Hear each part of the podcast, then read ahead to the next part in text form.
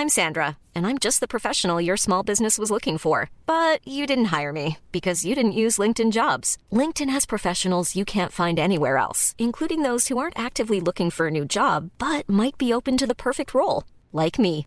In a given month, over 70% of LinkedIn users don't visit other leading job sites. So if you're not looking on LinkedIn, you'll miss out on great candidates like Sandra. Start hiring professionals like a professional. Post your free job on linkedin.com/people today. It's that time of the year. Your vacation is coming up. You can already hear the beach waves, feel the warm breeze, relax, and think about work. You really, really want it all to work out while you're away. Monday.com gives you and the team that peace of mind. When all work is on one platform and everyone's in sync, things just flow wherever you are. Tap the banner to go to Monday.com. Ready to pop the question? The jewelers at BlueNile.com have got sparkle down to a science with beautiful lab grown diamonds worthy of your most brilliant moments. Their lab grown diamonds are independently graded and guaranteed identical to natural diamonds, and they're ready to ship to your door. Go to BlueNile.com and use promo code LISTEN to get $50 off your purchase of $500 or more. That's code LISTEN at BlueNile.com for $50 off. BlueNile.com code LISTEN.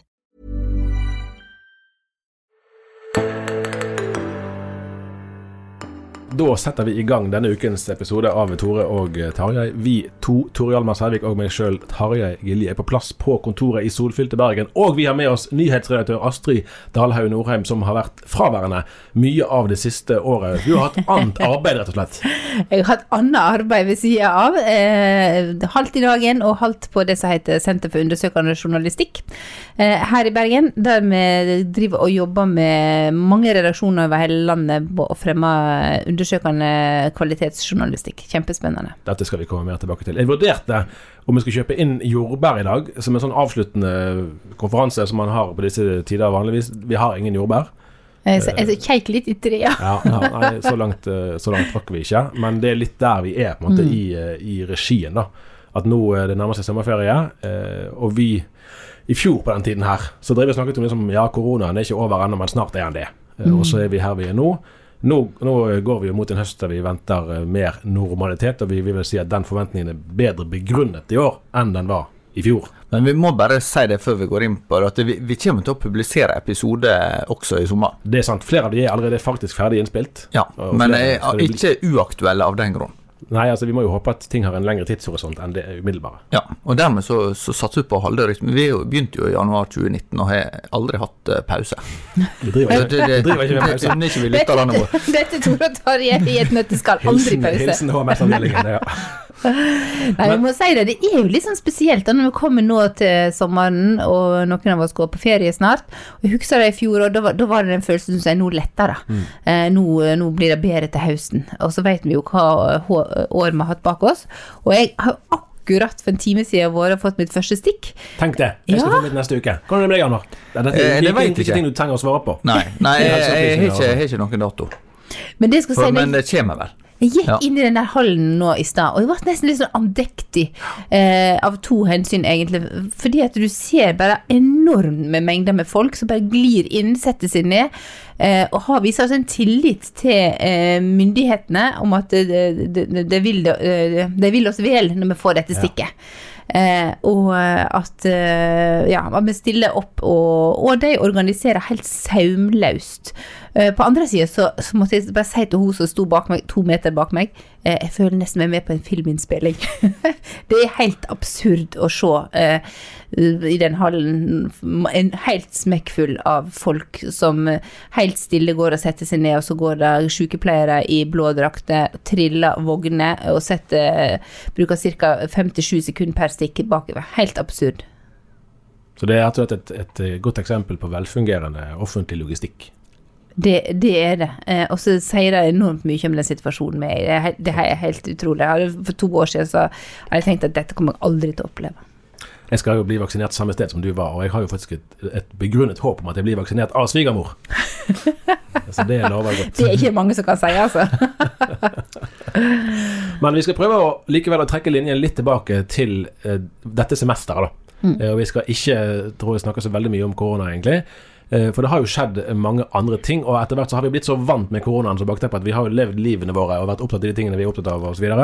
På en annen måte kanskje enn vi var i fjor, eh, selv om, om eh, de ytre forholdene har vært sånn som de har vært. Og Hvis vi da prøver å tenke tilbake til et eller annet sted rundt januar, da, vi trenger ikke være helt sånn stramme på kalenderen, hva har vært eh, de sakene som vi tror kommer til å, vi kommer til å huske da, fra dette, eller saksfeltene fra dette semesteret? Det er klart, det har, Hvis du ser på det politiske feltet, så har det jo vært mye eh, koronahåndtering. Nå kommer jeg inn på korona likevel, da.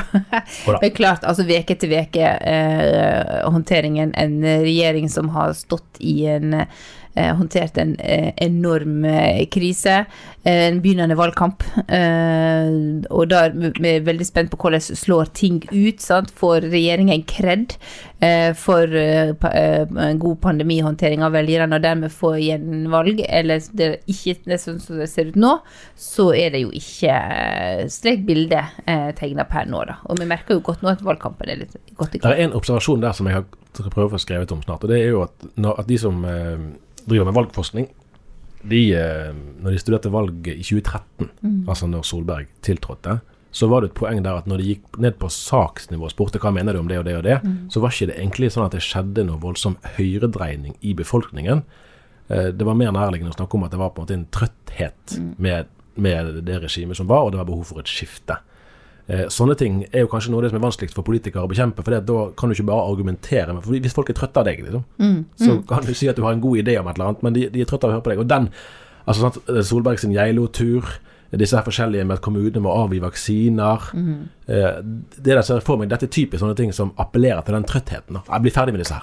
Men det avspeiler jo også at eh, vi, vi kan jo tenke at vi har mange partier i Norge, og de er veldig uenige om mye. Men for de fleste innbyggerne så vil jo selv om en, en naturligvis eh, tenker at det er viktig hvem som styrer landet, så, så er det sånn at det, det er ikke eh, alltid så lett å, å i den praktiske hverdagen si at en merker så veldig stor forskjell. Nei da, det er vel for de fleste sikkert Altså, eh, Norge er jo et uh, samfunn som bærer preg av stor konsensus. Nettopp. så er det sånn at det, det, selv om det er mange partier, så, så er de jo egentlig enige om veldig mange ting. Ja. Sammenlignet med det en kan, eh, kan forvente i en del andre land. Og det er jo òg noe av det slitesterke. Vi har et samfunn som er forholdsvis eh, homogent.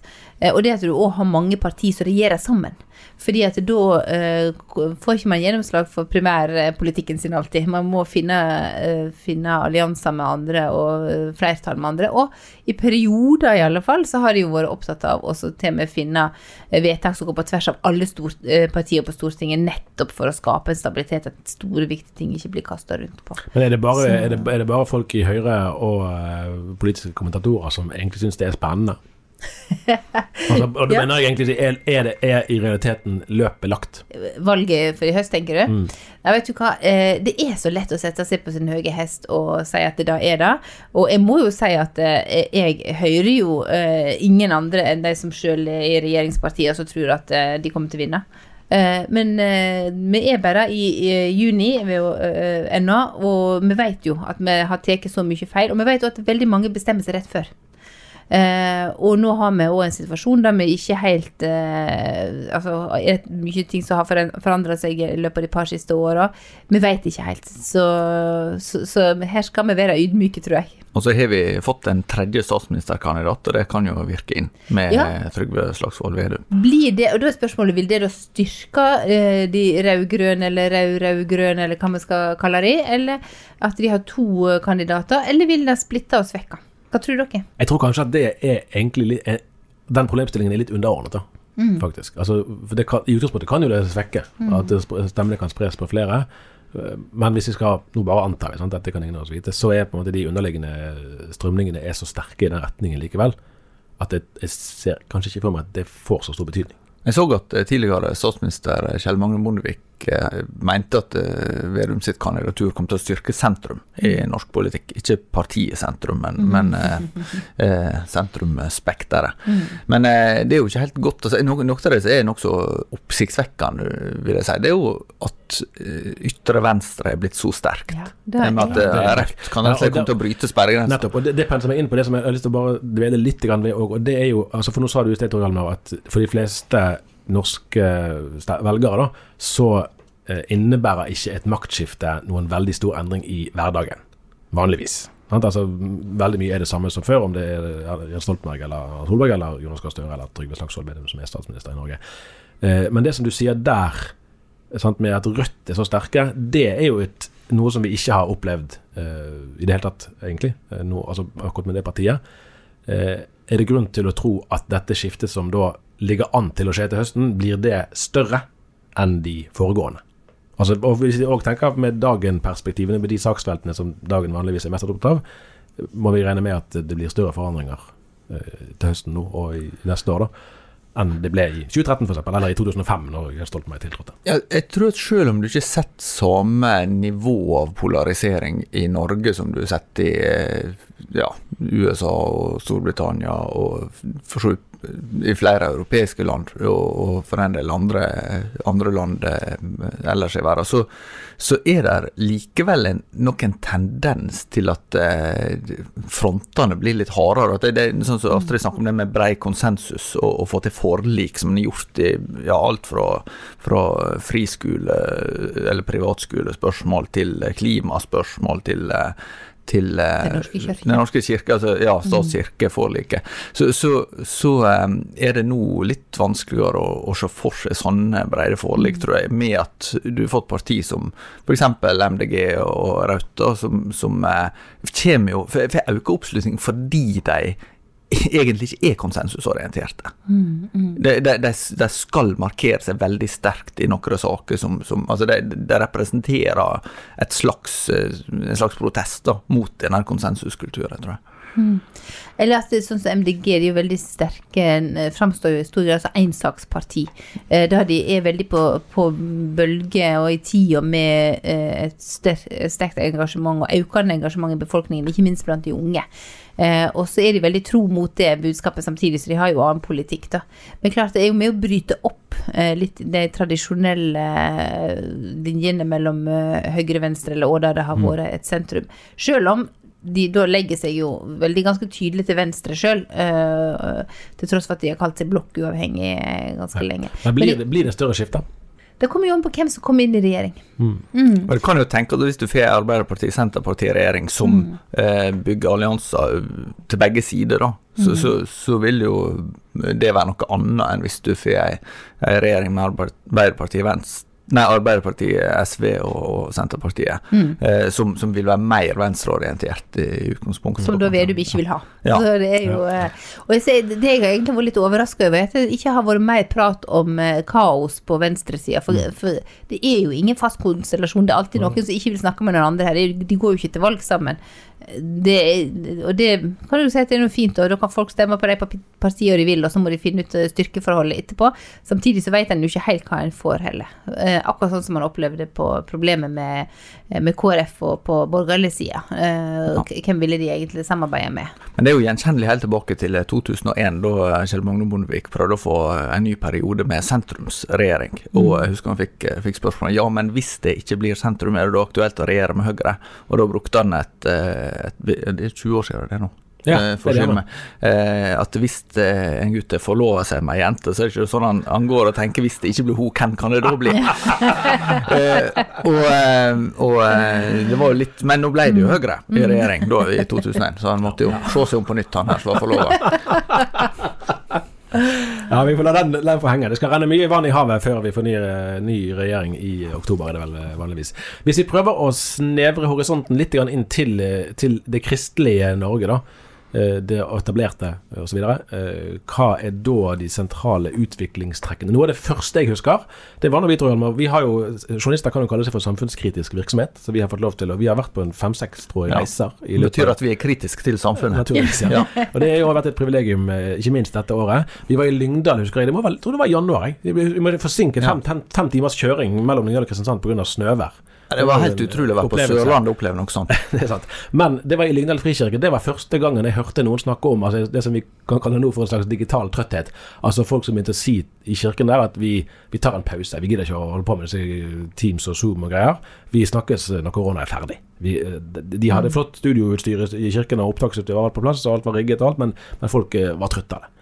Eh, Det er det mange som har sagt eh, etterpå. Det var første stedet jeg hørte det. Så det er en sånn ting som jeg husker. Mm. Det, det preget dette året. Så skal ikke vi bruke masse tid nå på å spekulere i hvordan det blir til høsten, det kan ingen av oss vite. Men at det er noen ting her som blir hengende ved, eh, det er vel ganske klart, tror jeg. Og særlig blant yngre. Det var også, Ja. også oppdaga flere. Vi har vært i, i Ja, for det sa de jo i Trondheim. Det er jo studentene som definitivt vet hvordan Zoom og Teams virker, for å si det Ja, sånn, men så ja. bare, det var helt uaktuelt for de var med på ungdomsmøte på, var, etter å ha sittet en hel dag på digital forelesning. Det var ikke snakk om. Eh, og så har vi jo eh, også eh, hatt eh, Vi var nylig med på igjen digitalt og generalforsamling i Nordmisjonen, der Kjetil Wessel Haga var eh, for første gang generalsekretær eh, på en sånn samling. Og eh, det var egentlig et interessant innblikk i den delen av Kristen-Norge som, som lever litt mellom det folkekirkelige og det eh, Misjons-Norge, nesten det frikirkelige også. Altså det, det forteller litt om, om en del endringer som har skjedd med, med det norske kirkelandskapet, egentlig. Så jeg tenker Nordmisjonen er en ganske interessant indikator på det. Ja, for du, Vi snakket litt om det eh, i sted, at, at Kjetil Westel Haga eh, han, han intervjuet jo du for eh, en måned siden, kanskje. eh, at han er en litt Altså Det er på en måte en ny generasjon eh, kristendeler da, i lavkirkeligheten som trer frem, der med, som forholder seg litt annerledes både til indre og ytre eh, utfordringer, da, om du vil. Ja, jeg, jeg tror en eh, Han er vel sånn midt i 40-åra. Nei, han er fylt 50, tror jeg. Han er fylt 50, Ja, ok. hvis ikke det var i fjor, han holder seg godt, vi får si det sånn. Men, I motsetning til oss. Nei, altså, jeg tror eh, at den generasjonen kristne ledere i mindre grad kan forutsette at der finnes det et slags folk, eh, kollektiv, som identifiserer seg med organisasjonene, og som er liksom trufaste støttespillere, trufaste givere, trufast kjemper og møte og sånn. Du må mer du må ha et engasjement som du må samle folk rundt. Eh, og, og, og ja, ikke minst for de som er yngre enn Westel Haga sjøl, så, så tror jeg det er en ganske sentral utfordring.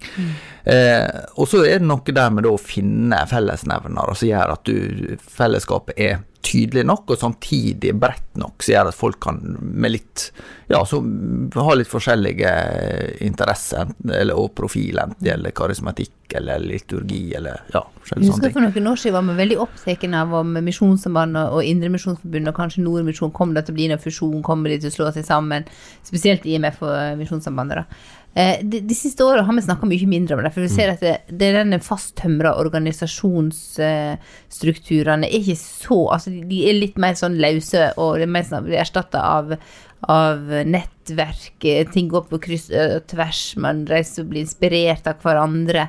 Eh, men hvis du ser et litt sånn stort bilde, så ser du jo at, eh, at misjons, sånn som Misjonssambandet Indremisjonsforbundet på mange måter glir fra, eh, fra den norske kirka. Nordmisjon står vel litt sånn eh, innimellom der, men altså eh, Jeg er ikke sikker på om alle Hvis du er på en bibelcamp eller på en stevne i sommer eh, Dessverre ikke så veldig mange av dem, men de det er. Det er ikke sikkert alle i alle aldre er veldig bevisste på hva organisasjon som eh, arrangerer det. Nei, jeg tror tilknytninga til lokalet er viktig, og, og, og Nordmisjonen oppgir nå ha 46 menigheter Mm. rundt omkring i landet. og Stadig færre går både i kirka og i et nordmisjonsfellesskap. Mm. Eh, Men eh, det vil jo variere med størrelse, aktivitet og sånn i de fellesskap. Men det sier jo noe nytt om, om eh, hvor folk engasjerer seg hen. Han fylte, han fylte 50 år i mars i fjor, bare sånn for å er vi sjekke om Og det er så fint. Fakta.no slår inn med en gang. jeg, Men dette, dette går jo mest på de altså indrekristelige dynamikken, sant? med lo- tilknytning til organisasjonene og kirkesamfunn, og det, og det er viktig, det, det er reelt nok. Eh, Så er det jo kanskje Jeg syns nesten det er enda mer interessant å se på eh, hvordan man vil forholde seg til samfunnet rundt. Og der, Vi kan komme litt tilbake til Terje Hegertun om en liten stund. Men nå er vi, når vi gjør opp, opptaket nå, så er vi i pride-sesongen.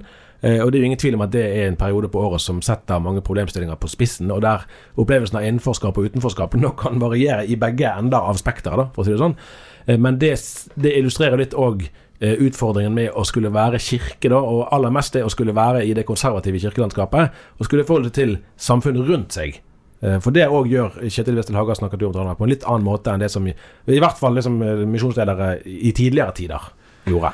Ja, nå, nå får nå tida vise litt hvordan han, han, vil velge å ha offentlig profil. Det vil kanskje ta litt tid å måtte etablere seg i en sånn rolle internt, og etter hvert å velge hva, hvordan en skal profilere seg også eksternt. Men, men, det er jo en av de tingene som, som eh, jeg er litt spent på, på som journalist også. at Hvis du, hvis du går tilbake til da jeg begynte å skrive, så, så er det faktisk nå rundt, eh, rundt 20 år siden, eh, så så hadde vi en opplevelse at det var litt lav forventning at eh, kristenlærere skulle være litt sånn offentlige meningsbærere og være mm. tydelige i media og liksom markere eh, standpunkt, sånn at eh, altså enten var i diskusjon med biskoper eller sånn.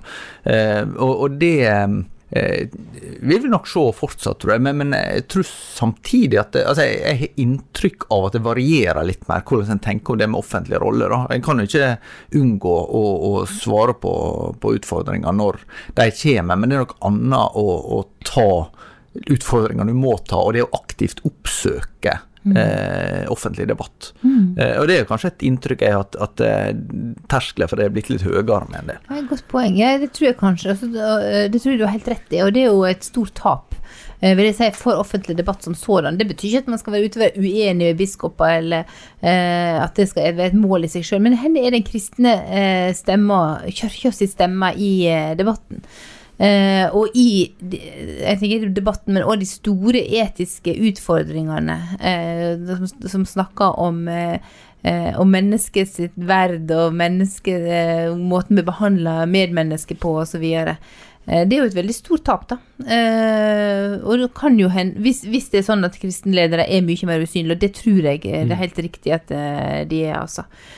Og så er det jo kanskje litt tilbake kanskje til det vi snakket om i stad, om, eh, om, at vi kan se konturene av en mer polarisert debatt.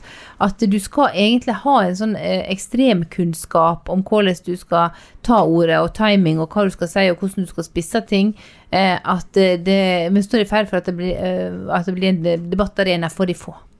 Eh, og at eh, man ikke som kristenledere velger å gå inn der. Og det tror jeg er det er veldig synd i tilfelle. Ja, jeg tenker kanskje også at det er noe med, med identifikasjonsfigurer. At jeg tror mange mm. som sitter på lunsjrommet på jobb eller kommer med prat med naboer, eller sånt, hvis en ikke måtte ha eh, kristne ledere som en eh, på et vis kan lene seg Det finnes det jo eksempel på det, absolutt. Altså, men, men, jeg tror at for, for mange så har det en del å si, da, rett og slett at en at en eh, har en opplevelse at det er noen som, som, jeg kan identifisere meg med, og som, som setter ord på det som jeg kanskje sjøl strever litt med å sette ord på. Mm, mm, det tror jeg er viktig. Jeg leser her på, på kjøkkenbenken hjemme så har jeg stående boka av biskop Thomas. Eh, det skrev Eivind Skeie, førte en penn fra biskop i koptiske kirka i Egypt. Han er veldig altså, opptatt av dette her med å være en stemme for de marginaliserte, for de fattige, for uretten, for eh, som, som, alle blir utsatt for, eh, men spesielt de som er lavest på rangstigen. Og han kaller det unnfallenhet, hvis man som eh, biskop, sånn som han er, da, ikke tar til orde for det. Og så er det ikke enkelt, men eh, det er en del av plikten vår. Og Det betyr ikke at man skal gå inn i sånn partipolitiske debatter, og sånn, men hvis den stemma er helt vekke, og de historiene ikke blir fortalt, så, så tror jeg at vi får en mye fattigere offentlig debatt. Altså. Jeg sa vi skulle komme tilbake til Terje Hegertun. Det, det, har vi jo for så vidt snakket om, eller han har vi snakket om i boken hans et par ganger, så vi trenger ikke si så mye om det. Men, men jeg er vel nokså trygg på at det òg blir en, sånn, en av de hendelsene som blir stående for dette semesteret. At den boken kom ut. mellom Mellomposisjon prøver han å innta der. I spørsmål eh spørsmålet om samliv. Ja, og han er jo da tidligere sentral pinseleder. Her kommer sånn research rett på løpende bånd. Ja, vi, vi, vi må jo ikke forutsette ja. i saken. Eh, at, det er både, at det tyngdepunktet eh, tar han til orde for, samtidig, og det er nok en del som er glad for, og samtidig som, som det er en observasjon over at pinsebevegelsen så langt ikke i det hele tatt har signalisert noen endring i den retningen som, eh, som han tar til orde for. Eh, så trenger ikke vi kanskje si så veldig mye mer om det nå, for tiden går. Og vi skal rekke én ting til, og det er nemlig å snakke litt om det som vanligvis vi ville ha brukt mye krefter på å planlegge her i redaksjonen. Det er jo sommerstevner. Det blir noen av de i år òg, og vi skal prøve å være til stede på så mange steder vi kan, men det blir jo på ingen måte sånn som det vanligvis er. Og så tenkte vi skulle ha det litt moro her. Eh, og nå, Dette er ikke forberedt deg på, men du har jo en av de beste eh, sommerstevnehistoriene som jeg tror vi har å oppdrive her i redaksjonen. Nå er jeg spent. Tror jeg, kanskje du skjønner hvor vi skal? Nei. For da skal vi til en biltur i vått vær.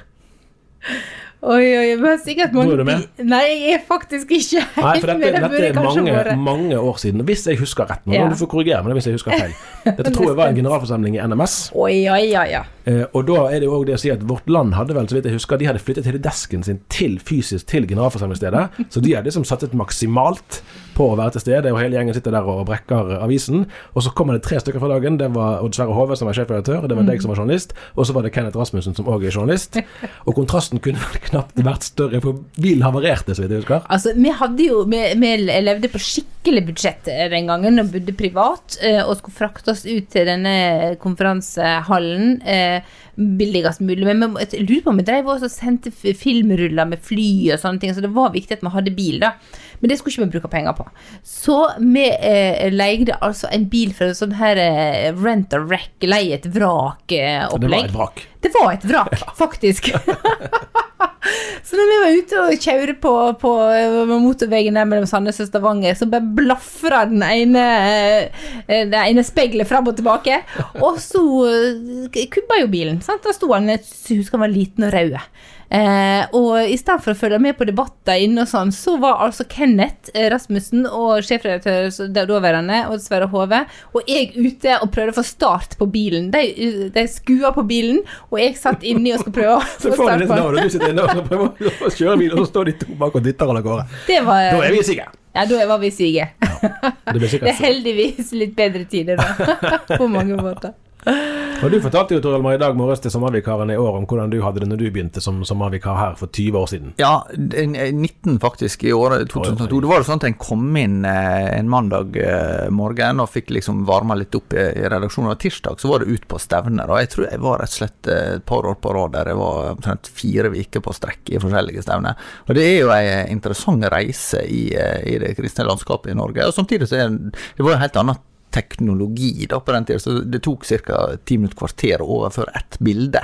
Eh, og så var det jo så som så med mobildekning blant eh, knauser og skog eh, på Indre Agder. Sånn at det, jeg, eh, det var jo ikke så sjelden at denne bildeoverføringa stoppa. Da. Eh, og det var jo ganske stressende før deadline, når du måtte begynne på nytt. Jeg husker jeg hadde en gang i oppdrag å, å få leid en Jeg tror det var, ja, det var leiebil, for å få kjørt en film til Kjevik. Fordi at nyhetsredaktør, nyhetsleder Astrid Dahlhaug Norheim den gangen, der er vi, der er vi tilbake i 90-årene, Oi, oi, oi. eh, satt og ventet på at filmen skulle sendes med fly til Bergen, for så å bli fremkalt i Bergen. Det er helt sånn Vi hadde da jetpack, vi kunne jo Ja. alle flyrutene. Jeg jobba jo i dagen på 90-tallet. Og, eh, man kunne jo alle flyrutene. Så vi visste tid de måtte leveres på, på Kjevik, og da sto vi og venta på dem på Flesland og kjøre eh, bil inn til mørkerommet, der en fotograf sto og framkalte. Mye har forandret seg siden den gangen, men det er én ting som ikke har forandret seg i det hele tatt. Nesten sånn, i, i så fall kanskje i omvendt retning, og det er jo gleden av å treffe folkene på stevnene. For der var det en sånn mellomperiode når smarttelefonene kom, at vi kanskje tenkte at eh, ja, men det er ikke så farlig å reise ut, vi kan jo bare få til å sende oss bilder sjøl og ringe dem på telefonen, mye billigere og mye raskere. Den Det- gang ei. Nei, det er ikke helt det samme. Eh, og det, det er Det kan knapt eh, overvurderes betydninga av å være ute blant folk og liksom oppleve litt av stemninga. For du, du ser at, det, at det, hver, hvert miljø har sitt preg og sin kultur og sin sjargong, og til og med sin klesstil. Og det, det, der, er, der er litt forskjellig, da. Og En annen ting som òg endrer litt på siden det du forteller, Tore Hjalmar, er jo at nå prøver vi i større grad å snu på det, slik at eh, oss faste reiser ut. For det er jo kjempeviktig for oss å være ute og møte folk. Og så får heller sommervikarene ta mer ansvar eh, her på huset og gjøre andre ting. Ja. Mm. Jeg har jo også, apropos det å lære av, av egne erfaringer, er en av, en av tingene som, som etter hvert kom, eh, kom til erkjennelse av, var jo at jeg hadde en lei tendens til å ta bilde av godt voksen mann ved busk eh, når jeg var ute på stevne. Så, så, det, det, det er en sånn nokså utbredt eh, vane, tror jeg, å tenke at får ved en busk ved siden av en mann, så blir bildet mer interessant. Minner om når, når eh, USAs uh, daværende utenriksminister Colin Powell var intervjuet på CNN, dette er jo nesten 20 år siden, og så, og så sveipet kameraet litt til siden, og så står det sånn Colin Powell is out there talking to a bush. Så var det noen, noen lag der som Ja. de som husker historie, kan forstå om hvem som var president osv. Du, eh, vi får ikke trøff, truffet så mange mennesker i sommer som vi helst hadde villet. Vi får truffet noen, men det der er jo Vi snakker jo av ikke så rent sjelden egentlig, om det journalistiske samfunnsoppdraget. Og da er det jo nettopp det å kunne være en stemme på vegne av andre mennesker. Og skal vi kunne være det, så må vi jo nødvendigvis kjenne hverdagen til andre mennesker. Og ikke minst derfor er jo dette egentlig et stort tap for oss, og for aller mest selvfølgelig for de som skulle vært på stevnene. Eh, Så det ser vi, tror jeg vi kan si, helhjertet med stor glede frem til å kunne gjenoppta mer av Ja, nå er vi jo snart vaksinerte. Det er ikke så lenge til. Nei, ne, altså, det må være lov å si neste sommer. Men altså, det er Ja, noe som skjer i sommer òg, Ja, for det- all del. Åse eh, Oase holder på, Saronsdal holder på.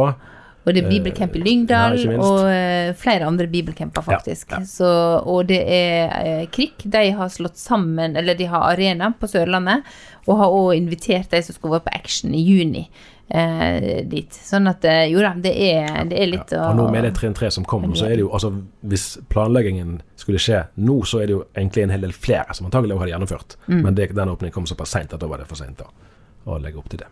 Ja. Nei, men Verdien i at mennesker møtes og deler liv, den har ikke blitt devaluert i det hele tatt. Tvert imot, Det tror jeg vi kan fastslå. Det, vi skal ha, lage ordentlig episode neste uke med folk i, i levende live her òg. utover sommeren blir det litt grann vekselvirkning. Vi, skal, vi håper å få inn eh, sommervikarene den gangen eller to i sommer òg. Det var jo kjempespennende i fjor. Eh, og så eh, tar vi altså ikke pause. Vi fortsetter gjennom eh, sommeren, så vi høres plutselig. Takk for i dag. Takk for i dag. Ha det bra.